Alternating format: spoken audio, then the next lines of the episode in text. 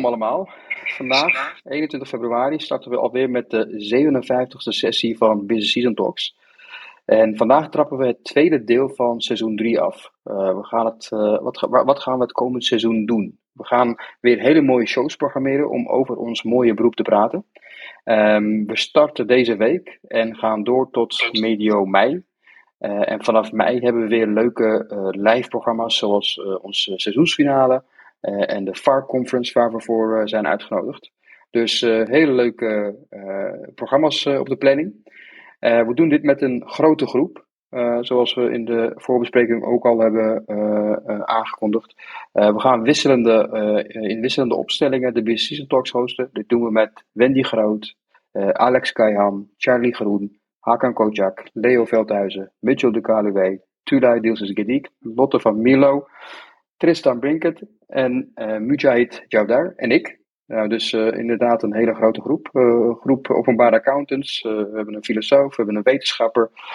ja, we hebben normale stervelingen tot aan studenten, tot aan partners. Dus is ja, super cool dat we dit met een hele grote groep kunnen doen. En wat gaan we vandaag doen? we starten eerst met de, de gastsprekers en behandelen de actualiteiten. Want ja, er is gewoon heel veel gebeurd in de afgelopen periode dat we elkaar voor het laatst hebben gesproken. Uh, en de afgelopen tijd, uh, ja, uh, er, staan ook nog spannende dingen op ons te wachten. Dus ehm, ja, zoals gebruikelijk gaan we ook, het ook de groepen opengooien voor, ja, voor vragen. Of jullie kunnen ook ons via de chat, chat benaderen. Maar het liefst hebben we toch wel liever dat jullie gewoon naar boven komen om, om jullie vragen te stellen. ik geef het woord aan Mujahid. het is jouw debuut, jongen. En ja, ik ben benieuwd hoeveel je er vandaag gaat scoren. Yes, bedankt Arif. En ja, hoeveel ik er uh, ga scoren? Nou, dat is een hele goede vraag. Ik denk eh, als ik vandaag de winnende score, dan ben ik uh, dik tevreden. Maar goed, um, laten we meteen verder gaan met de introductie van onze gasten. Ik begin bij Mark Schweppe. Hij is hoofdredacteur van Account.nl en coördinator media van de MBA. Welkom Mark. Vervolgens gaan we hebben, vervolgens hebben we vandaag Arnoud van Kempen te gast. Hij is zelfstandig compliance officer, cult health en accountancy en een vaste vriend van de show. Welkom Arnoud. Uh, ook hebben we vandaag Omar El Masaoudi te gast. Hij is registeraccountant en voorzitter van MBA Jongprofs. Welkom Omar. Um, daarna hebben we Marcel Vijver te gast. Marcel is professor accountancy aan de Nijrode Business Universiteit hij is gespecialiseerd in onderzoek in het werkveld van fraude en een gewaardeerde vriend van de show. Welkom Marcel. Vervolgens, ook hebben wij vandaag een nieuwe gast, Ellie Strookloek. Zij, is, uh, zij schrijft recensies in de Accountant Magazine, leest graag managementboeken en is zelf ook accountant. Maar momenteel is ze niet meer praktiseren. Welkom Ellie. Tot slot, Alex Kaihan, ook van de partij. Hij is uh, vandaag aanwezig voor de muzikale inbreng Alex is partner bij EY, bestuurder bij de MBA, docent auditing aan de VU en natuurlijk host bij Business Season Talks. Welkom Alex. Dankjewel.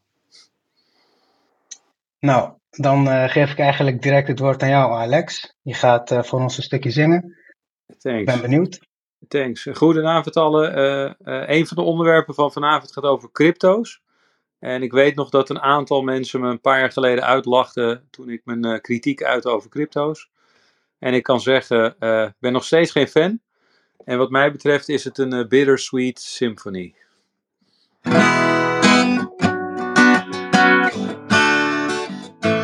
And it's a bittersweet symphony that's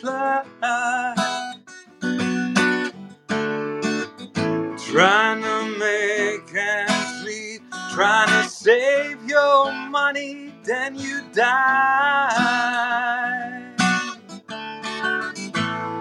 I'll take you down the only road I've ever been down. But no, the one that takes you to the places where all the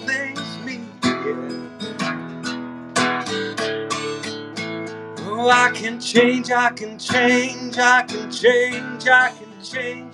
But I'm here with my mold, and I'm here with my soul, and I'm a million different people. From one day to the next, I can change my mode.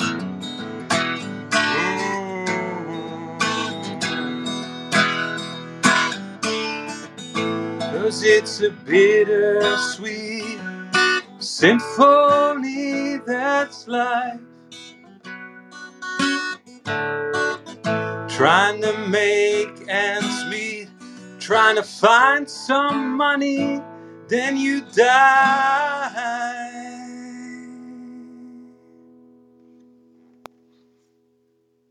Bedankt Alex. Je bent dus, uh, Thanks. je bent dus sceptisch over uh, crypto, zo te horen? Ja, ja nou, in, de, in, de, in, het, uh, in de tekst zit een zin trying to make ends meet, you're a slave to money, then you die. Dus ik dacht van, nou weet je, laat ik toch maar provoceren. Ja, ik ben geen, uh, geen fan. Nee. Hm. Ja, begrijpelijk. Ja. Nou, dan, dan we, zijn er nog anderen die erop willen reageren trouwens, Arif? Wil jij nog iets kwijt over het stukje van Alex? Nee, ik, ik, vind het geweldig om weer Alex te horen. Dus ja, was weer prachtig. Dankjewel, Alex. Dank, dank. Heel lief. Hey, uh, laten we er een mooie sessie van maken. Top. Dan gaan we door uh, naar het nieuwe rubriek. We hebben binnen Busy Season Talks meerdere malen gehad over boeken. En uh, vandaag gaat Ellie ons een stukje vertellen over het boek Tijdsgenoeg en Tijdstekort. Ellie, ik geef graag het woord aan jou. Dankjewel, dankjewel. Nou, Busy Season staat bol van de deadlines en tijdsdruk. Maar ik voel tijdsdruk terwijl ik helemaal geen deadlines heb. Het boek van vandaag, Tijd tekort, tijd genoeg, van Margriet Sitskoorn uit 2022, gaat precies over dat fenomeen. Dat boek is wetenschappelijk ingestoken en het is vrij compact. Vooral dat laatste is erg prettig als je toch al denkt nergens tijd voor te hebben. Maar het geeft wel een goede aanpak om van dat nare gevoel af te komen. Het gaat er namelijk niet om hoeveel tijd je hebt, maar hoe je tijd beleeft. Op de eerste pagina las ik al iets bijzonder interessants. Precastinatie. Procrastinatie ken ik, dat is uitstellen van dingen. Precastinatie blijkt het tegenovergestelde. Je taken zo snel mogelijk willen afmaken, om ze maar van je to-do-lijstje te kunnen afstrepen. Want dat geeft een goed gevoel. En dat is heel fijn als je vaak het gevoel hebt dat je te veel dingen moet of wilt in de tijd die je tot je beschikking hebt. Als je tijdsdruk voelt. Volgens Sitskorn ligt dat aan je tijdsbeleving en die kun je veranderen. Nou, kom maar door, dacht ik. Sitskorn is hoogleraar klinische neuropsychologie. Maar wat heeft neuropsychologie met tijd te maken? Die relatie ligt, in, ligt bij de plasticiteit van de hersenen. Het aanleggen en snoeien van verbindingen tussen hersencellen. Dat gebeurt op basis van prikkels, informatie. En de hersenen passen zich dus steeds aan. En daardoor gedraag je je anders en voel je je anders. Wat je veel doet of veel aandacht geeft, geeft meer prikkels en beter ontwikkelde verbindingen. Veel lachen leidt tot veel vermogen tot lachen. En veel zeuren, nou ja, precies, je wordt er steeds beter in. En ook onze omgang met tijd verandert onze hersenen. Dit boek bestaat uit drie delen en deel 1 gaat in op objectieve en subjectieve tijd. Objectieve tijd is tijd die buiten jezelf staat, externe tijd. Denk aan de opeenvolgende seizoenen, maar ook aan kloktijd. Maar er is ook subjectieve tijd. Die komt uit onze interne klok en heeft een relatie met onze herinneringen, onze wensen, onze vaardigheden. Het wordt ook wel eens onze biologische klok genoemd, omdat ze allerlei biologische functies reguleert, onder andere ons slaappatroon. Als onze interne klok niet synchroon loopt met de externe klok, dan merken we dat. Denk aan jetlag. Of aan een gevoel van tijdtekort. De interne klok laat ons ook tijdreizen. We kunnen ons de toekomst voorstellen, ons gedrag daarop aanpassen en zo die toekomst realiseren. Of we herinneren ons het verleden. Zeg maar, we branden onze hand aan uh, vuur. Auw! En zo leren we belangrijke lessen. Een andere vorm van subjectieve tijd is gebeurtenistijd. Je doet iets op basis van een gebeurtenis. Als de zon gaat schijnen, doe je dit. En als een vriend langskomt, doe je dat. En als je hoofdpijn hebt, doe je zus of helemaal niks. Of je je leven leidt door kloktijd of gebeurtenistijd is erg cultureel bepaald. In deel 2 analyseert Sitscorn de factoren van subjectiviteit. De zes P's. Elke factor heeft een uitleg met veel voorbeelden, een paar korte self-assessments en een link naar uitgebreide wetenschappelijke vragenlijsten. Die zes P's zijn poverty, tijdarmoede, te veel willen voor de beschikbare tijd. Perspective, tijdsperspectief, leef je in het verleden, het heden of de toekomst. Perfect day, ben je ochtend- of avondmens en past dit bij je werk. Pressure, het gevoel van interne tijdsdruk, prioriteiten stellen, lukt helemaal niet. Precastination, het toegeven aan die interne tijdsdruk, van alles direct doen, maar belangrijke zaken uitstellen of zelfs afstellen. En dan als laatste pacing, ritme, het verdelen van je energie over je taken en je tijd. En dan past jouw voorkeursstijl wel bij je baan. Door deze analyses weet je waar jouw gevoel van tijdtekort vandaan komt. En die punten kun je dus door aanpakken met de zevende P. En dat is power, macht over je tijd. En daar gaat er drie over. Per P kun je actief sturen door een nieuwe aanpak te kiezen. En dit versterkt dan de verbindingen in je hersenen, waardoor dat steeds beter gaat. Als kerst op de taart geeft Sitscore nog 10 tips om je gevoel van tijd genoeg te verhogen. Soms door gewoon extra tijd te creëren, maar meestal door anders met je tijd om te gaan. Ik vond met name de tip laat je verwonderen door natuursverschijnselen of een unieke ervaring heel bijzonder. De natuur of een museum in. Dat doe je juist vaak niet als je tijdsdruk voelt, maar moet je dus juist wel doen, want dat geeft je een gevoel van tijd genoeg. En ook het bijhouden van een to-don't lijst vond ik een eye-opener. Maar daar moet je dan wel even tijd voor maken. Dat was hem. Over naar de host. Hallo. Over Yes, naar- dankjewel Ellie. Bedankt voor je inbreng. Nou, ik heb eigenlijk wel eh, gelijk een vraag. Eh, ik vroeg me af, ervaar jij ook tijdsdruk op momenten wanneer je eigenlijk geen deadline hebt, Arnoud? Ehm, nee, niet echt eigenlijk. Ik, ehm, het, het, het, ik ben niet zo eh, van het eh, ehm, eh, in de toekomst of in het verleden leven, maar in het nu. En dat scheelt enorm in tijdsdruk. Ja, dat is, eh, dat is goed om te horen, dat je dat eh, goed, kan, eh, goed kan managen voor jezelf. En jou, hoe is jouw tijdsbelevenis, Omar? Eh, vooral in de busy season, hoe ervaar jij dat? Ja, ik wilde net zeggen, ik, ben ik verstaanbaar trouwens? eh? Zeker. Oké, top. Nee, ik wilde net tegen Ellie zeggen, we missen 1 P van planning. Maar eh, ik denk dat heel veel hier daarmee kampen. Nee, Nou kijk, ja, weet je, nee, planning, want planning is natuurlijk objectieve tijd, hè? Dus echt nee, het hebben van tijd of niet. En dit gaat over alles behalve die tijd. nou, het was het echt zijn- een, eh, het was een accountantsgrapje, Ellie. En, ons rijdt alles op planning. Dat is het enige wat je in de wandelgang hoort, zeg maar. Voor mij waarschijnlijk te lang geleden alweer, Omar. Ja, kijk, qua, qua planning, eh, ja, busy season inderdaad. eh, nou, iedereen kent het. Jarenlang terug riepen we al van eh flatten the curve. We gaan het in de toekomst, gaan we geen busy season meer hebben, maar een goed verdeeld jaar, zeg maar. Inmiddels ben ik tien jaar verder, hebben we nog steeds die, die heuvel. Tussen januari en mei ongeveer. Ja, je merkt gewoon dat de tijdsbeleving en tijds, de pla- planning anders is. Maar ik probeer altijd gewoon, eigenlijk wat, wat Arnoud ook zegt, elke dag te bekijken. Kijk, heel, heel simpel. Je hebt 24 uur op een dag. Je kan niks bijplussen. En eh, ik, termen als ik ga tijd doden of ik, ik win tijd, daar geloof ik niet in. Je hebt 24 uur en die moet je gewoon goed kunnen invullen. Je, kan niet, je hebt niet 24 uur en een kwartier, zeg maar. Dus je, hebt niks gewonnen. Dus je moet die 24 uur goed eh, invullen. Eh, en ja, daar kijk ik gewoon naar. Dat is gewoon hoe, hoe ik eigenlijk naar het dagelijkse leven kijk. Natuurlijk heb je wel een bepaalde visie en kijken wat vooruit. Maar at the end, ja, geloof ik erin, eh, iedereen heeft een, eh, een einddatum. Niemand uitgezonderd. En eh, iedereen heeft 24 uur. En met die twee factoren probeer ik dan zo goed mogelijk alles in te delen, zeg maar.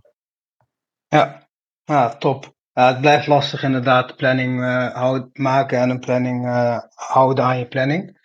En Marcel, hoe is jouw eh, tijdsbelevenis? Herken je een beetje in het eh, verhaal van eh, Arnoud en Marcel of sta je er helemaal anders in? Nou ja, ik heb altijd uh, genoeg te doen. En uh, ja, wat. Uh, ik, ik heb altijd een strakke deadline.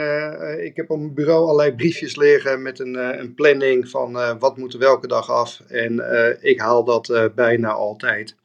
En eerlijk gezegd vind ik het vaak wel lekker om onder een beetje tijdsdruk en met een deadline te werken.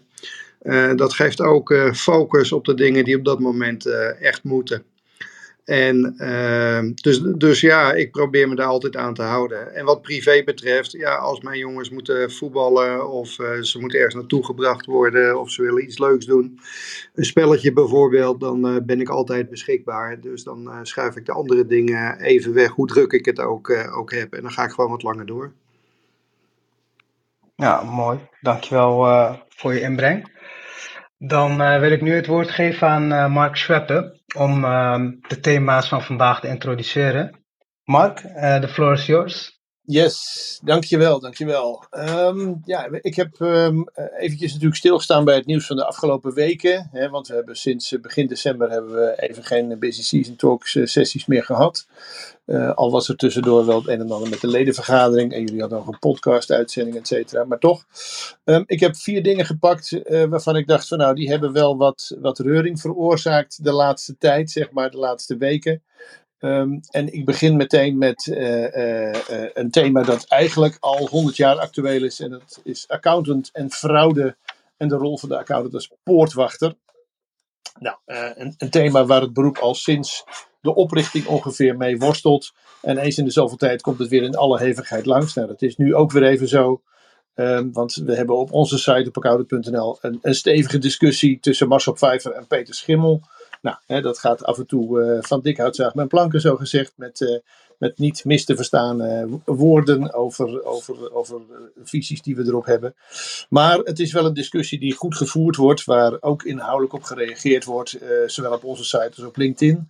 En ja, um, wat is het nou? Is de accountant nou een poortwachter of niet? Zijn accountants nou verantwoordelijk voor het voorkomen en ontdekken van fraude?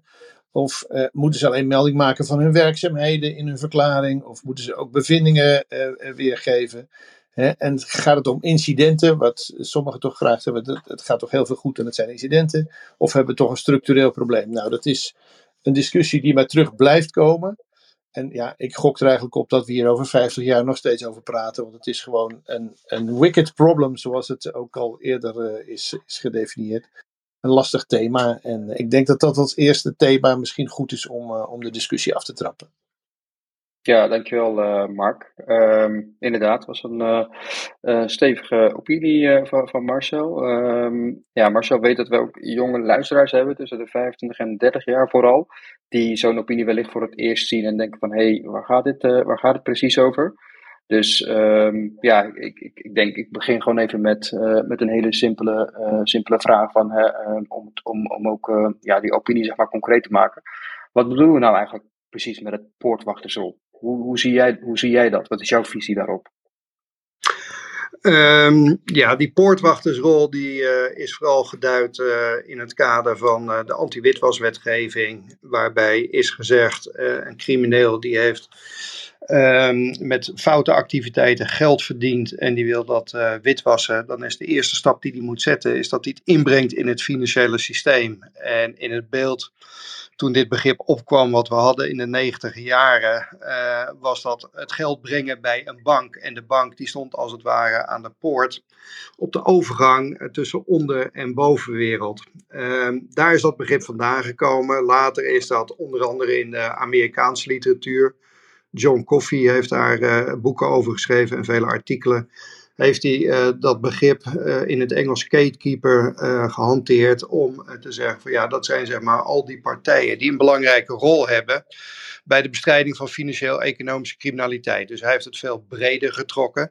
Ja. En hij heeft bijvoorbeeld in het kader van de financieel-economische crisis na de val van Lehman in Amerika in 2008 gekeken naar onder andere de, de rating agencies, naar de advocatuur, maar ook naar de accountants. En heeft gezegd, al die partijen hebben gefaald in het zorgen dat de schade, uh, uh, ja, die had veel kleiner kunnen zijn. Of misschien had het hele probleem van de val van Lehman en allerlei andere uh, financiële instellingen daarna wel voorkomen kunnen worden.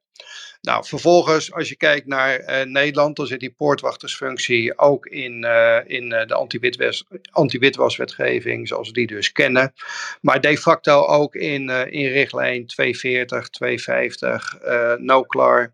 Uh, in mijn beleving ook in de VGBA, omdat dat allerlei wet- en regelgeving is die erop betrekking heeft dat je als accountant een rol hebt bij het kijken naar zaken die niet integer zijn. En um, nou, dat, dat is in essentie waar het om gaat. Hè. Niet integere ja. zaken, welke rol heb je daarbij? Ja, en vervolgens kun je een onderscheid maken, en daar gaat de discussie tussen Peter en mij voor een deel over. Welke gradaties kent dat allemaal? Uh, je hebt natuurlijk uh, bijvoorbeeld als accountant de opzet van de controle. En in hoeverre hou je dan rekening uh, met fraude-risico's, met fraude-risicofactoren? Welke werkzaamheden ga je verrichten? dat is preventief, is gericht op het voorkomen van fraude, zou je kunnen, kunnen zeggen. of in ieder geval dat je gaat kijken van die risico's die moeten beheerst worden. Daar heb je ook een rol in de advisering naar de onderneming toe.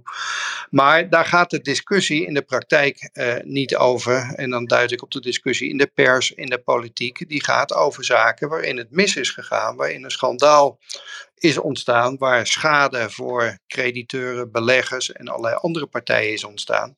Ja. En dan wordt er altijd gekeken, wat is de rol van de accountant geweest? En uh, dat is de echte discussie over fraude. Die gaat denk ik niet zozeer over die poortwachtersrol, maar die gaat erover van als er dingen binnen een onderneming spelen, bij jouw controlecliënt spelen, uh, die je uh, hebt waargenomen of die je had kunnen waarnemen of had moeten waarnemen, heb je je werkzaamheden erop gericht om die dingen te spotten. En nog, nog concreter, als je tijdens je controle een signaal van fraude krijgt, neem je dan de adequate stappen om dat af te wikkelen? Daar gaat de maatschappelijke discussie over. En wat mij irriteert, is dat we als accountants heel erg in ons eigen regelgeving uh, boekje zitten. En alles tot op de letter naspellen. En dan zeggen: dit moet de accountant wel en dat niet. En dat is wel en dat is niet geregeld. Uh, ik irriteer me daaraan. Uh, niet omdat het wetboekje er niet bijgepakt mag worden. Want dat biedt alle ruimte om die poortwachtersfunctie in te vullen. Maar ik vind het vooral storend omdat het maatschappelijk verkeer vele geledingen in het maatschappelijk verkeer, die hebben accountants de taak gegeven om de wettelijke controle uit te mogen oefenen. En bij die taak horen ook bepaalde verwachtingen. En de verwachting dat de accountant optreedt als die tegen signalen van fraude aanloopt, is wat mij betreft volstrekt reëel. Is ook gegeven in onze regels. En dan moet je ook acteren. En wat ik niet alleen in mijn artikel, maar met name in de bijlagen heb laten zien, is dat er veel te veel zaken zijn uh, waarin de accountant aantoonbaar slecht heeft geacteerd. Niet omdat dat mijn mening is, maar omdat dat door een rechter is vastgesteld. Ja, en, maar, maar zo, dus je zegt eigenlijk van, uh, um, nou, of je het nou poortwachtersrol noemt of uh, wat voor rol dan ook. er is een bepaalde verantwoordelijkheid die, die, de account, die, die bij een account berust. En dat wordt, die verantwoordelijkheid wordt niet goed ja, tot, tot zich op, opgenomen zeg door, de accountants. Is dat ongeveer wat je, wat je zegt? Uh, ja, dat is zo. En dan kun je gaan dimdalmen over wat een poortwachter nou precies is en dergelijke. En Peter heeft er ook een definitie van, uh, van gegeven in zijn, zijn stuk. Maar ik vind dat je het dan allemaal in het ja, fijnslijpen trekt en de essentie van de discussie niet raakt. En met name ook door de titel van het stuk wat hij heeft gehanteerd, eh, gewoon een uh, verkeerde indruk wekt over wat je als accountant moet doen rond die poortwachtersrol. En uh, als je kijkt wat de AFM vraagt, maar ook onze eigen MBA, uh, wat die zegt, wat ze doen op fraude, hoe ze de taakopvatting van de accountant zien, is dat de laatste jaren de positieve kant op gegaan. En dit soort artikelen dragen wat mij betreft niet bij om die positieve trend door te zetten. En dat is waarom ik gereageerd heb. Ja, nee, dat is, uh, dat is op zich uh, duidelijk. Um, ja, uh, Arnoud, je hebt hier natuurlijk ook wat over geschreven. Wil, jij hierop reageren? Tuurlijk. Um, twee dingen wat mij betreft. De ene vind ik de opmerking over het uitspellen van de regels. Ik snap waar Marcel op reageert hoor, maar ik vind in een rechtsstatelijke omgeving het gezond dat we naar de regels kijken. omdat daarmee ook het maatschappelijk verkeer laat weten wat ze verwacht. Um, zeker in wetgeving. Um, Dus ik vind dat persoonlijk, eh, eh, eh, hecht ik daar juist wel aan dat we daar naar kijken. Het punt is alleen dat als je goed naar de regels kijkt, dat je daar ziet dat Marcel voor nou, het overgrote deel in ieder geval gewoon gelijk heeft. want de verwachtingen die je mag hebben van de accountant zijn inderdaad in de wet ter voorkoming van witwassen en financiering van terrorisme geregeld. Maar volgen ook uit BW2, volgen uit de eh, WTA volgen uit uh, COS 240. Uh, daarvan kun je zeggen dat is geen wetgeving, maar dat is met een paar stappen daartussen wel degelijk regelgeving die afgeleid is van wetgeving. Dus um, we verschillen een beetje van mening over het belang van regelgeving, geloof ik. Um, maar uiteindelijk kom, kom, ik op dezelfde conclusies als Marcel: dat accountants een hele duidelijke maatschappelijke verantwoordelijkheid hebben als het om fraude gaat. Die verantwoordelijkheid moeten nemen. Ik ben het ook ermee eens dat er goede dingen gebeurd zijn in de afgelopen jaren. En dat je moet oppassen dat je die uh, niet te niet doet.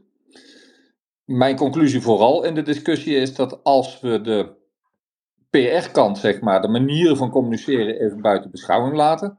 Naar mijn gevoel, Marcel en Peter het helemaal niet zo ver oneens zijn met elkaar. Maar het is wel een kwestie van hoe formuleer je, hoe breng je het. En dat is wel ook belangrijk.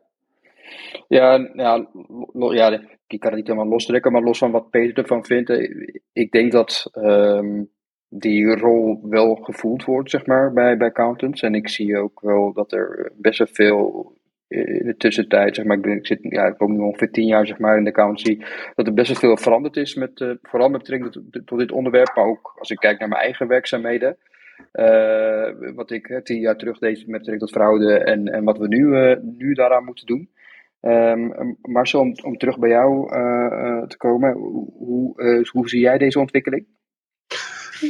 ja, ik gaf het zelf al aan. Ehm, de NBA, ook een beetje geprest door commissies die er de afgelopen jaren zijn geweest. Um, is de goede kant op aan het, aan het bewegen. onze nieuwe voorzitter sinds ruim een jaar, die heeft ook gezegd dat fraude een van zijn zes speerpunten is. Um, en um, ik denk dat er binnen de kantoren ook heel veel gebeurt. Zeker bij de grote kantoren, die hebben echt een, een, stap gezet. Dus de beweging is de goede kant op. En uh, daarom vind ik het jammer dat er artikelen verschenen zijn waarin wordt gesteld dat de accountant niet verantwoordelijk is voor het voorkomen en ontdekken van fraudeincidenten. Dat dat buiten zijn macht ligt en buiten zijn verantwoordelijkheid. Dat staat gewoon haaks op wat we momenteel aan het doen zijn. En uh, Peter zal het genuanceerder bedoeld hebben, maar het staat er wel uh, als inleiding op zijn, uh, zijn tien redenen.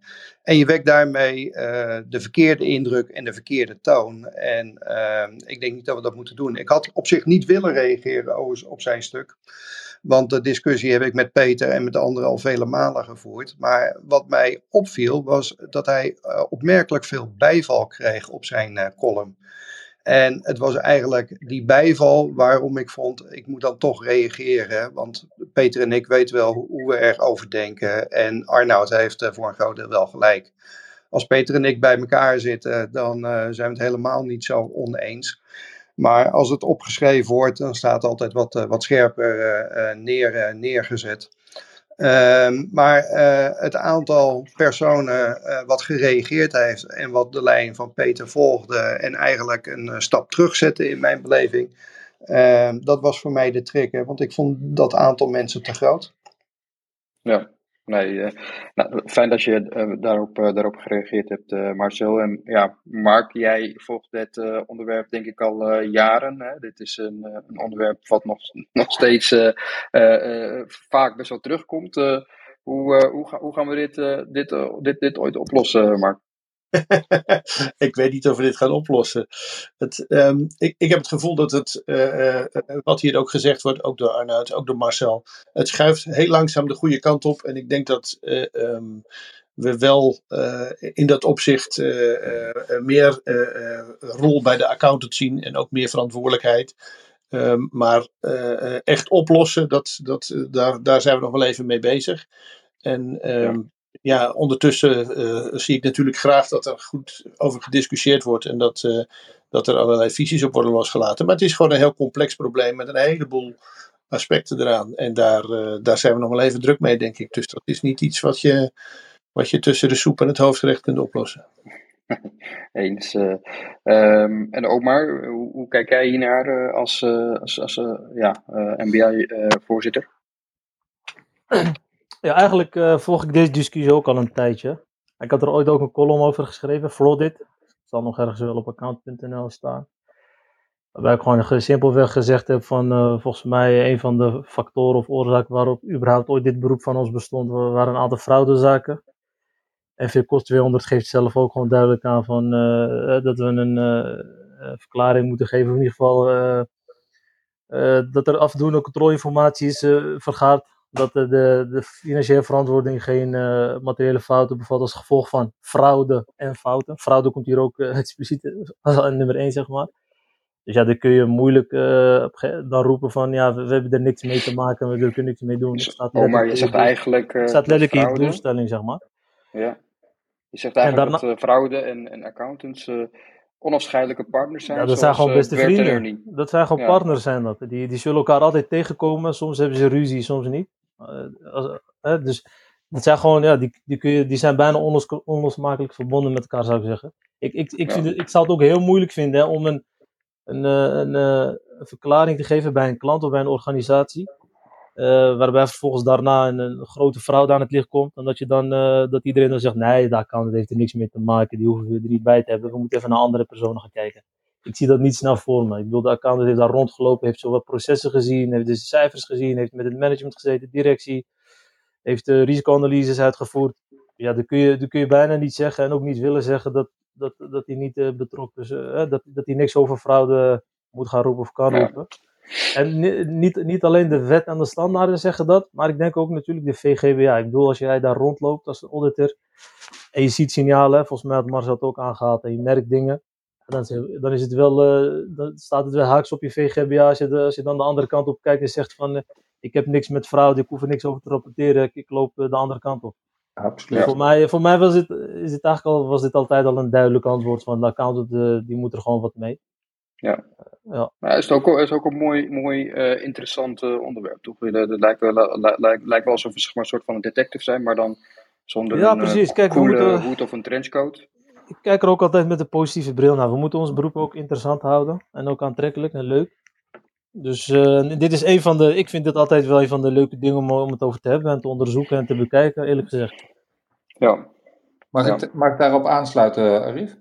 Zeker. Ehm, ik heb toevallig vanochtend bij een klant, eh, en voor mij is een klant een accountskantoor, eh, een bespreking gehad over een kwestie van een samenstelopdracht, hè, waar over het algemeen de eisen als het gaat om fraude, dat soort dingen, best laag zijn aan de accountant. Een samenstelopdracht, ehm, daar wordt fraude geconstateerd in het jaar waar we het niet over hebben, in een afrekening met een coronasubsidie, zou ik maar zeggen, waar het niet over gaat. En de hele discussie die daar vervolgens gevoerd is, wat moeten wij nou als accountants met deze klant aan? Enerzijds hebben we met zorgplicht te maken en aan de andere kant hebben we heel simpel met de VGBA te maken, artikel 7. Wat voor mij het kernartikel van de VGBA is. Ehm, hè, dat gaat over betrokkenheid bij een niet-integere eh, eh, klant. En echt de enige discussie voor die accountant was, hoe snel nemen we afscheid? Ehm, want En ik vind dat de gezonde insteek. Je, je loopt als accountant ergens rond waarvan je weet dat er gefraudeerd is. Dan dondert het niet meer wat het precies en hoe het precies en waar het precies. Dan neem je gewoon actie. En ik vond dat heel gezond. Het, het, het jammere vind ik soms dat dit soort goede voorbeelden, die, die komen niet naar buiten. hè. Je ziet dat niet. Ja, Uh, ja, maar het, het gebeurt wel. En het gebeurt op alle niveaus. Het gebeurt bij alle soorten opdrachten. Ik ben het er helemaal mee eens dat we heel scherp moeten zijn op waar het niet goed gaat. ja, Uh, en, en we moeten ook niet zeuren dat je geen complimenten krijgt als je gewoon je werk doet. Uh, maar heel veel accountants doen wel heel vaak gewoon hun werk goed. Ook op dit vlak. ja. Ik denk dat Mujahid een vraag wil stellen. Ja, ja, ik heb nog wel een vraag aan Arnoud. Ehm, waar ligt het eigenlijk aan dat we niet dit soort eh, positieve verhalen vanuit de accountant de buitenwereld in weten te krijgen? Ligt dat aan ons of ligt dat eh, Dat aan weer een iets anders?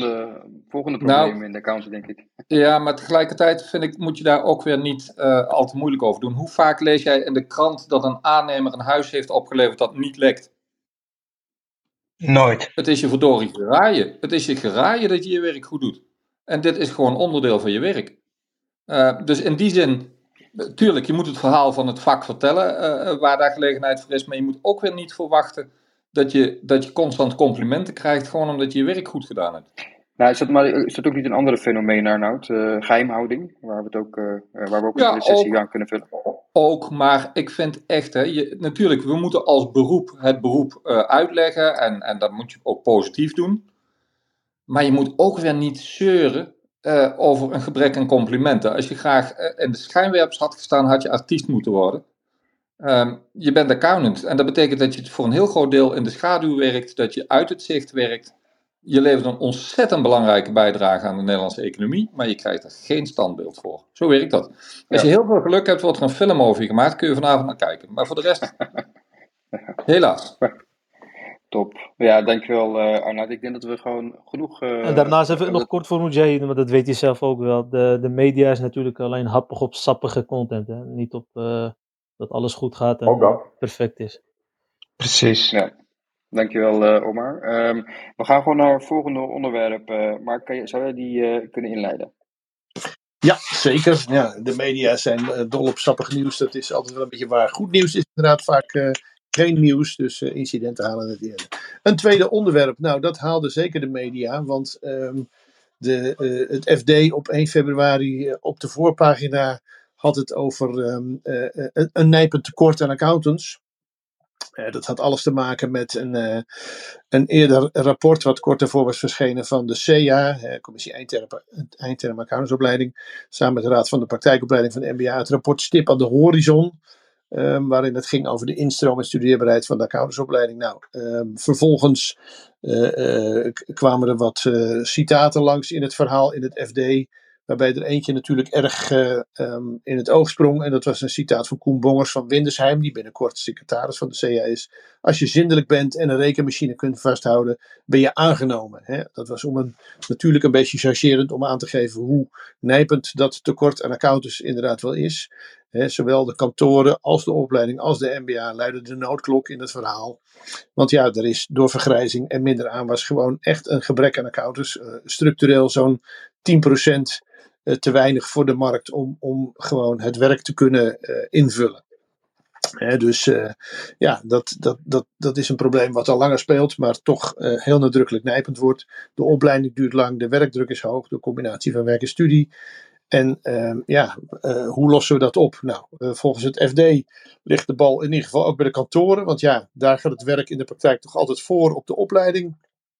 En ehm, een beetje hilarisch eh, als het gaat om de commentaren die vervolgens loskwamen, was een column achteraf van columnist Peter de Waard in de Volkskrant. En die zei van ja, als je het beroep sexy wil maken, dan eh, moet je ervoor zorgen dat eh, accountants gewoon gelijk bij de start al een, eh, een half miljoen salaris krijgen. Dan, dan hebben ze niet de prikkel om bijvoorbeeld DJ of een ander vak te gaan uitoefenen. Nou, Ehm, dus een, een onderwerp dat de tongen nadrukkelijk losmaakte. Er kwam een redactioneel commentaar van het FD. Er kwamen andere media die erop sprongen.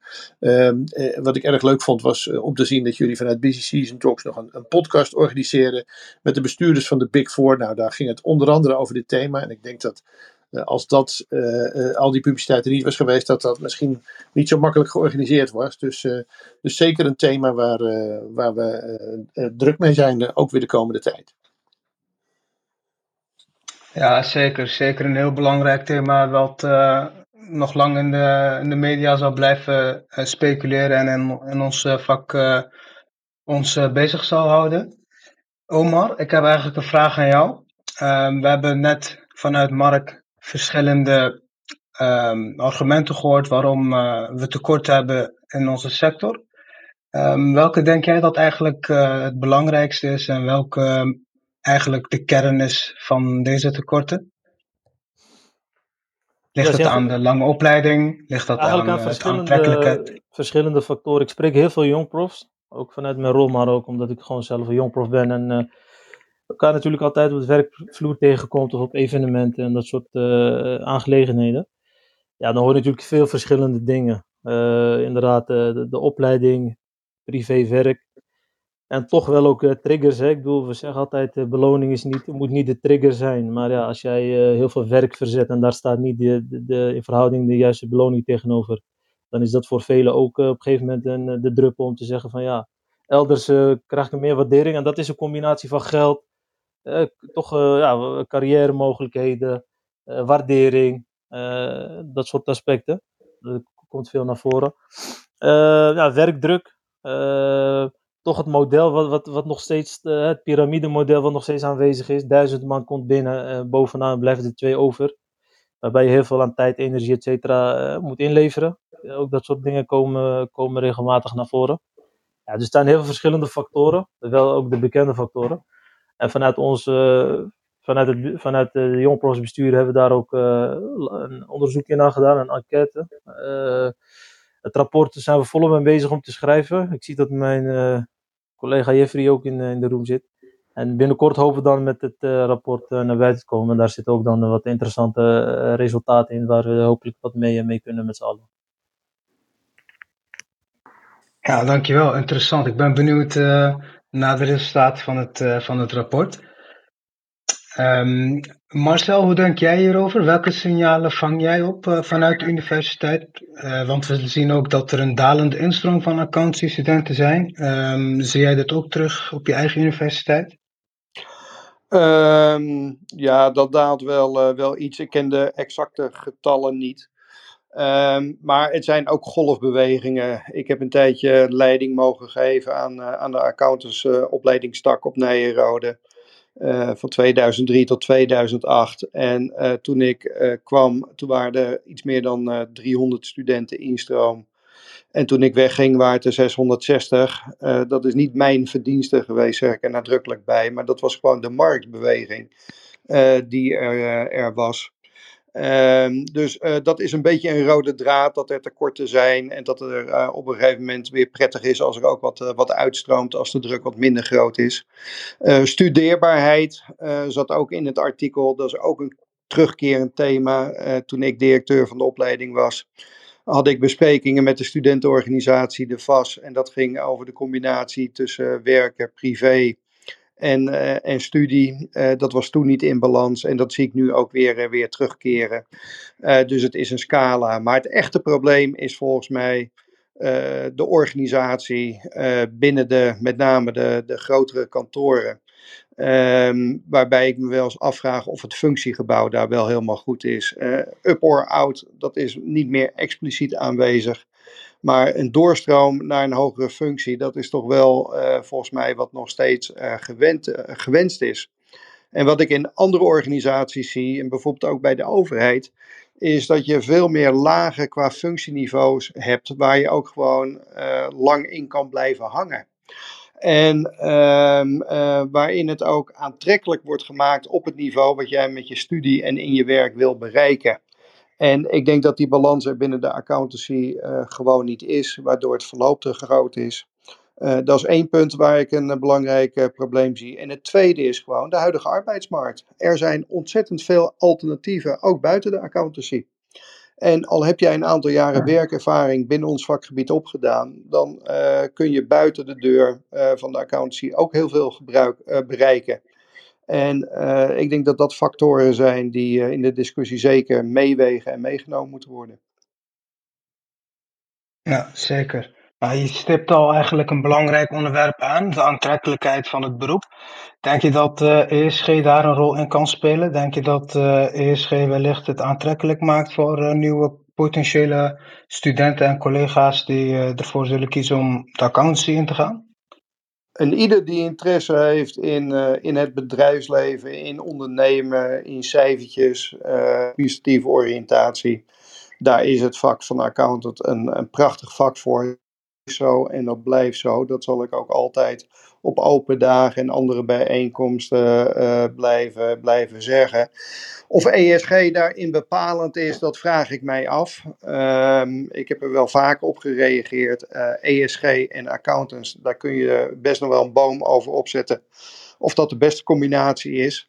Ehm, het is inmiddels een gegeven dat accountants op dat terrein een rol gaan vervullen en die rol zal alleen maar groter worden. Uh, die hebben we naar ons toegetrokken, maar daarmee is het probleem van de arbeidsmarkt niet kleiner geworden. Ik denk dat het eerder groter is geworden en uh, wellicht de verwachtingen die we daarmee kweken uh, ook. En we, zijn, uh, we hebben denk ik een beetje in onze eigen voeten geschoten. Ehm, als we die taak er niet bij hadden gehad, dan had je veel mensen die nu op dat domein binnen de kantoren actief zijn, misschien uh, kunnen behouden of op de weg zetten van, uh, van, de, van de controletak. Dus ESG is wat mij betreft niet uh, de oplossing van dit probleem. En ook niet het punt waar de aantrekkelijkheid van het beroep nou zoveel zal stijgen. Sterker nog, wil je ESG goed kunnen doen, dan moet je heel veel andere deskundigheden je aanleren. En dat maakt de studielast uh, en de druk alleen maar groter en niet kleiner. Ja, nou, duidelijk. Bedankt, uh, bedankt voor je inbreng. Nou, misschien uh, moeten we de tekorten in de accountancy niet met mensen, maar met een hele andere manier gaan oplossen. Namelijk met artificial intelligence of met innovatie. En dan uh, wil ik eigenlijk gelijk uh, het woord aan Mark geven om het volgende onderwerp uh, te introduceren. Mark? Ja, dat is een mooi, mooi bruggetje. Dankjewel. Um, ja, dat klopt. Um, daar ging het natuurlijk ook veel over. Hè techniek was ook een van de dingen die ik, die ik heb gememoreerd. En natuurlijk met name uh, als, uh, als het daarover gaat, artificial intelligence inderdaad, ChatGPT, hè, een, een nieuwe digitale tool die pas, het klinkt ongelooflijk, Mark, maar pas... Mark, even tussendoor, hoe weten wij of jij dit bent en niet ChatGPT? Ja, dat is een goede vraag. Um, nou ja, uh, uh, uh, zolang er de van mij bekende onzin uitkomt, dan kun je ervan uitgaan dat ik het ben, zeg maar. maar nee hoor, ik, ehm, uh, uh, ik heb hier nog geen tool uh, liggen wat dat betreft. Dus ik kom niet veel verder dan um, mijn smartphone, die op het moment dat ik een WhatsAppje tik, het volgende woord voorspelt, zeg maar. Dus ik heb nog geen ChatGPT. Maar je, kunt, je kunt mensen goed daarmee om de tuin leiden. We hadden kort geleden een podcast, de Vitamine A-podcast van, van Accountant.nl. Ehm, met Nart Wielaert, die voor ons een artikelenreeks schrijft over, over artificial intelligence. En de intro daarvan werd helemaal verzorgd door een ja, een, een, kunst, kunstmatig gegenereerde stem, zeg maar. Nou, dan moet je toch twee keer luisteren om te zien dat dat zo is. Dus dat vond ik wel, uh, vond ik wel echt, uh, echt knap. Een sprong vooruit ten opzichte van nou ja, de wat mechanische chatbot die je nog wel eens op, op allerlei situaties als je aan het bellen bent tegenkomt, zeg maar. Maar goed, ChatGPT, de, de nieuwe sexy tool van Microsoft. Ineens is Microsoft er helemaal hot en happening. En Google is, is een beetje in het nauw en moet ook ineens sprongen maken om, om bij te haken, zeg maar. Want ja, het lijkt toch een soort fantastische oplossing. Je hoeft als student geen hele nachten meer door te halen om een scriptje te schrijven, zo lijkt het wel. Nou, daar universiteit ook wel een beetje zorgen over. Uh, wij maken dus een serie verhalen uh, over, over innovatie in het beroep.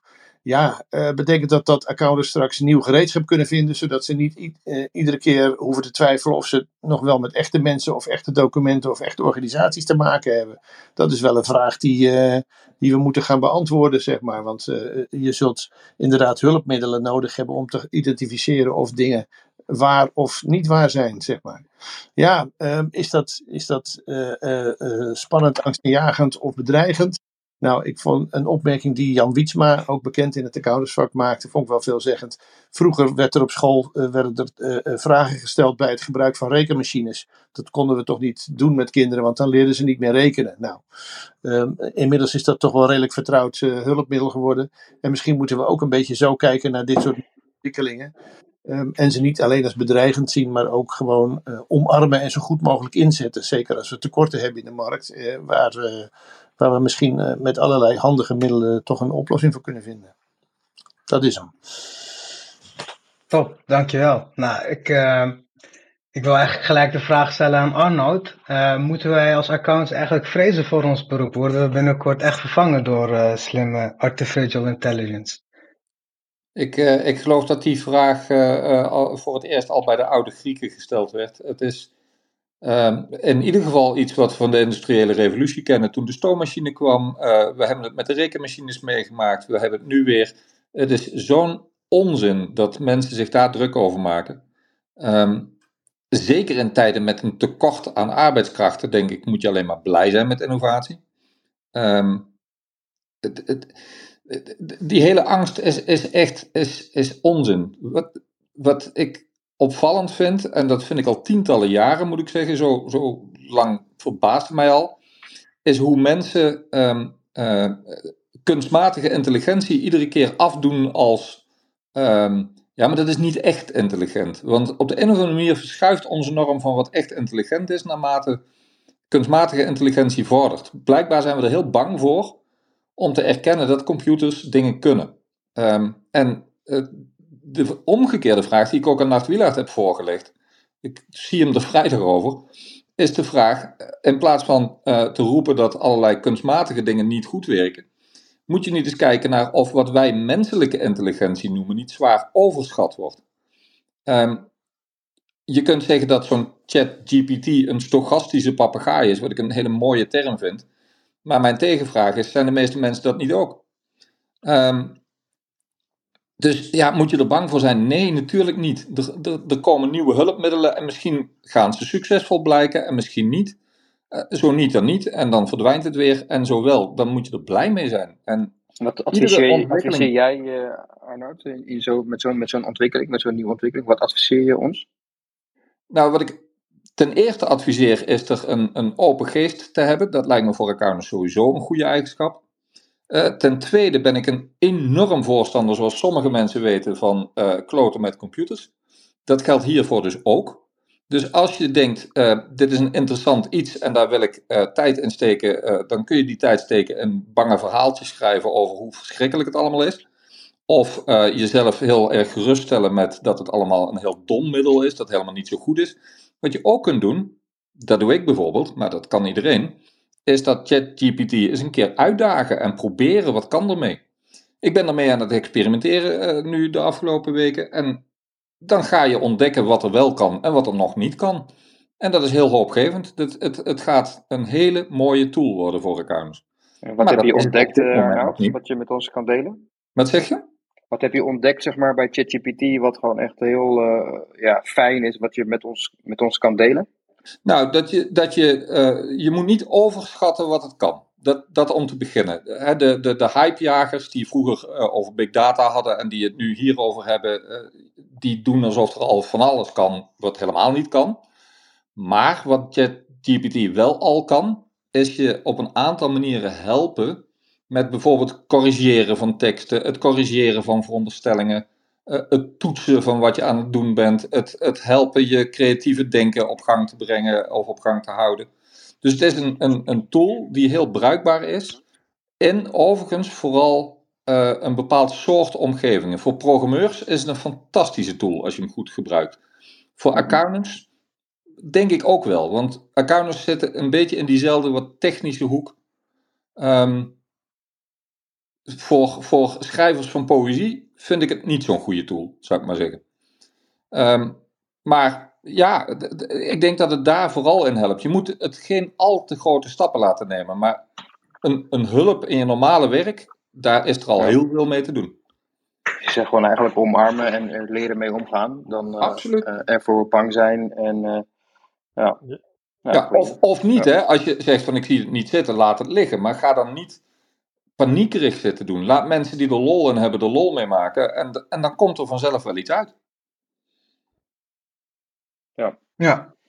Bedankt Arnoud. Uh, Omar, hoe, hoe sta jij in de wedstrijd ten aanzien van uh, innovatie, digitalisering, artificial intelligence? We hebben nu wat positieve verhalen ervan gehoord. Zie jij ook uh, bedreigingen of ben je er wat minder positief over? Kijk, ik ben sowieso altijd positief over innovatie. Je moet innoveren, anders uh, word je ingehaald.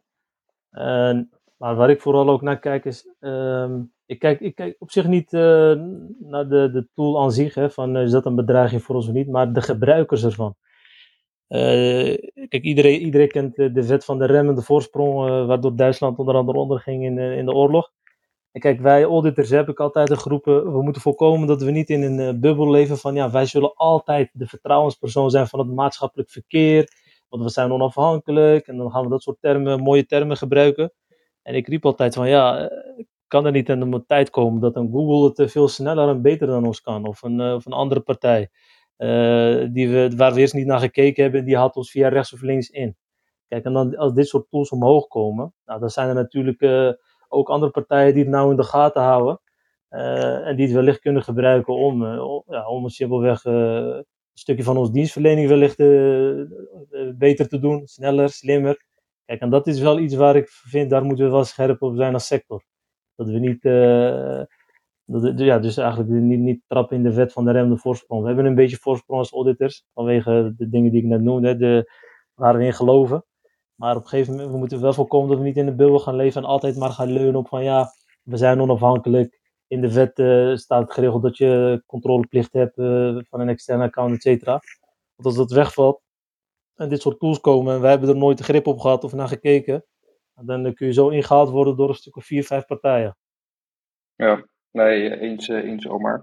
Uh, Marcel, gebruik jij ChatGPT al in, in je werk of, of in je privéleven misschien? Nee, is het korte antwoord. En ehm, toen ik de eerste artikelen erover las, had ik ja, meteen wat weerstand, moet ik eerlijk zeggen. Vervolgens kregen we op Nijrode een eh, soort alarmbrief van studenten kunnen dit mis, misbruiken. En toen sprak ik er met een aantal collega's over en toen ben ik een beetje de kant op bewogen die Arnoud nu eigenlijk stelt. Geef het de kans en kijk er eens naar. En dat heb ik ook gedaan. Die collega's die waren er eigenlijk best wel positief over, omdat het je op weg kan helpen met een aantal dingen. Ehm, dus ik ben er in de loop der tijd wel iets positiever over geworden, maar ik gebruik het niet. Ik heb het voor mijn gevoel ook zelf niet, niet nodig. Ehm, ik zie wel een aantal gevaren en risico's, zeker ook in het onderwijs en met het schrijven van, uh, nou ja, papers en misschien zelfs wel scripties en dat soort dingen. Ehm, het bezorgt universiteit ook een hoop werk, want je moet kijken zijn dit soort middelen niet gebruikt uh, door een student om een hoger cijfer te halen. Dus je zult moeten gaan testen van begrijp je ook echt wat er is opgeschreven en wat je hebt ingeleverd. En dan vallen mensen toch wel door de mand.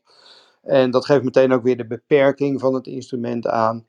Maar uh, ja, wel wat positiever, maar zelf doe ik er niks mee. En ik zie dat op nee. korte termijn ook niet veranderen. Uh, omdat ik er ook, uh, ja, ik heb er, uh, ik heb er niet zoveel mee. Maar een beetje wat Arnoud zegt, diegenen die er lol mee hebben, moeten vooral doen wat ze ermee uh, willen doen. Als het maar de goede ja. dingen zijn. Nee, eens, eens Marcel. Uh, ik zit ook echt uh, in de lijn van Arnoud. Ik, ik gebruik het wel, uh, wel dagelijks voor, me, voor, voor alles eigenlijk. Als ik een, een, een, hele complexe term tegenkom, vraag ik van, aan ChatGPT van leg dit even uit wat, wat dit nou betekent in normaal Nederlands. of vertalen. ja, het is echt een geweldige, geweldige tool en je moet dat wel leren, leren, leren gebruiken. Ehm ja, gezien de tijd, uh, Mark, we hebben er nog een laatste artikel. Alleen ik vraag me af of, of we dat nou echt per se nog moeten behandelen, omdat, uh, ja, omdat we nog eigenlijk nog maar twee minuten hebben. Uh, ik, ik, dit doe ik niet trouwens voor de wedstrijd hoor, maar meer voor, uh, voor de content. Leo nee, is de podcastchef en die zei van, nou, één uur max en dan, dan haken de luisteraars vaak ook af. Ja.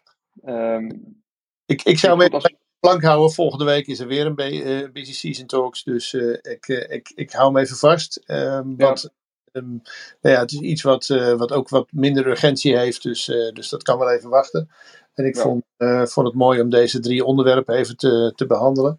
Ik hoop dat we, nou ja, inderdaad positief uh, gebruik zullen kunnen maken van ChatGPT. De, de, de, de, lichte angst die er toch bij sommige mensen is van nemen de computers straks ons over. Hè? Toch een beetje de scenario's van heel wat films, uh, de, de, de Skynets uh, van Terminator. Um, de klassieke film War Games, waar ik meteen aan moest denken toen, toen de eerste berichten over ChatGPT langskwamen. Hè? Greetings, Professor, Professor Falcon, jaren 80. Van harte ja. aan. Uh, dat zijn toch dingen die een, beetje, die een beetje sluimeren misschien bij sommige mensen. Maar ik denk dat we goed moeten kijken hoe we dit kunnen inzetten om, uh, om de arbeidsmarkt ook wat, uh, wat minder druk te laten ervaren. Zeg maar.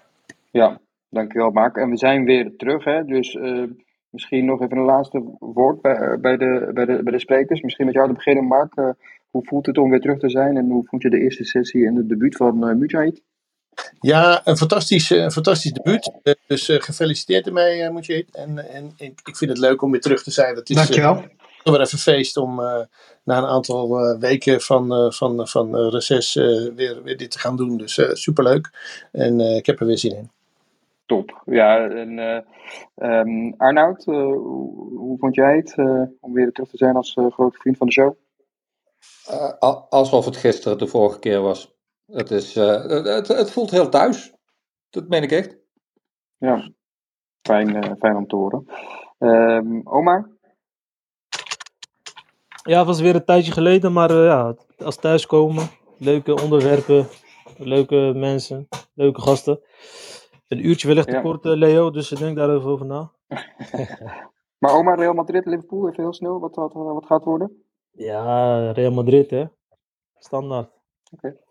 Okay. en uh, Marcel, uh, je bent ook al een tijdje ja, niet op, op Clubhouse geweest. En hoe, hoe vond jij het? Ja, altijd leuk om een bijdrage te mogen leveren. hou jullie enthousiasme vooral vast, dat heb ik vaker tegen je gezegd. En dat doen jullie heel erg goed. Dus mooi dat het weer, weer gestart is. Ehm, maar ik ben het wel eens met Omar dat het wel iets langer dan een uurtje mag. Uh, met name niet zozeer om ons aan het woord te laten, maar met name ook om uh, de luisteraars in staat te stellen wat vragen te stellen en te participeren. Uh, dus uh, anderhalf uur, dat, dat zou heel goed zijn. half uurtje vragen en, en opmerkingen van anderen. Ik zag via de chat ook een paar binnenkomen. oh, dat heb ik dus, helemaal niet gezien. Ja.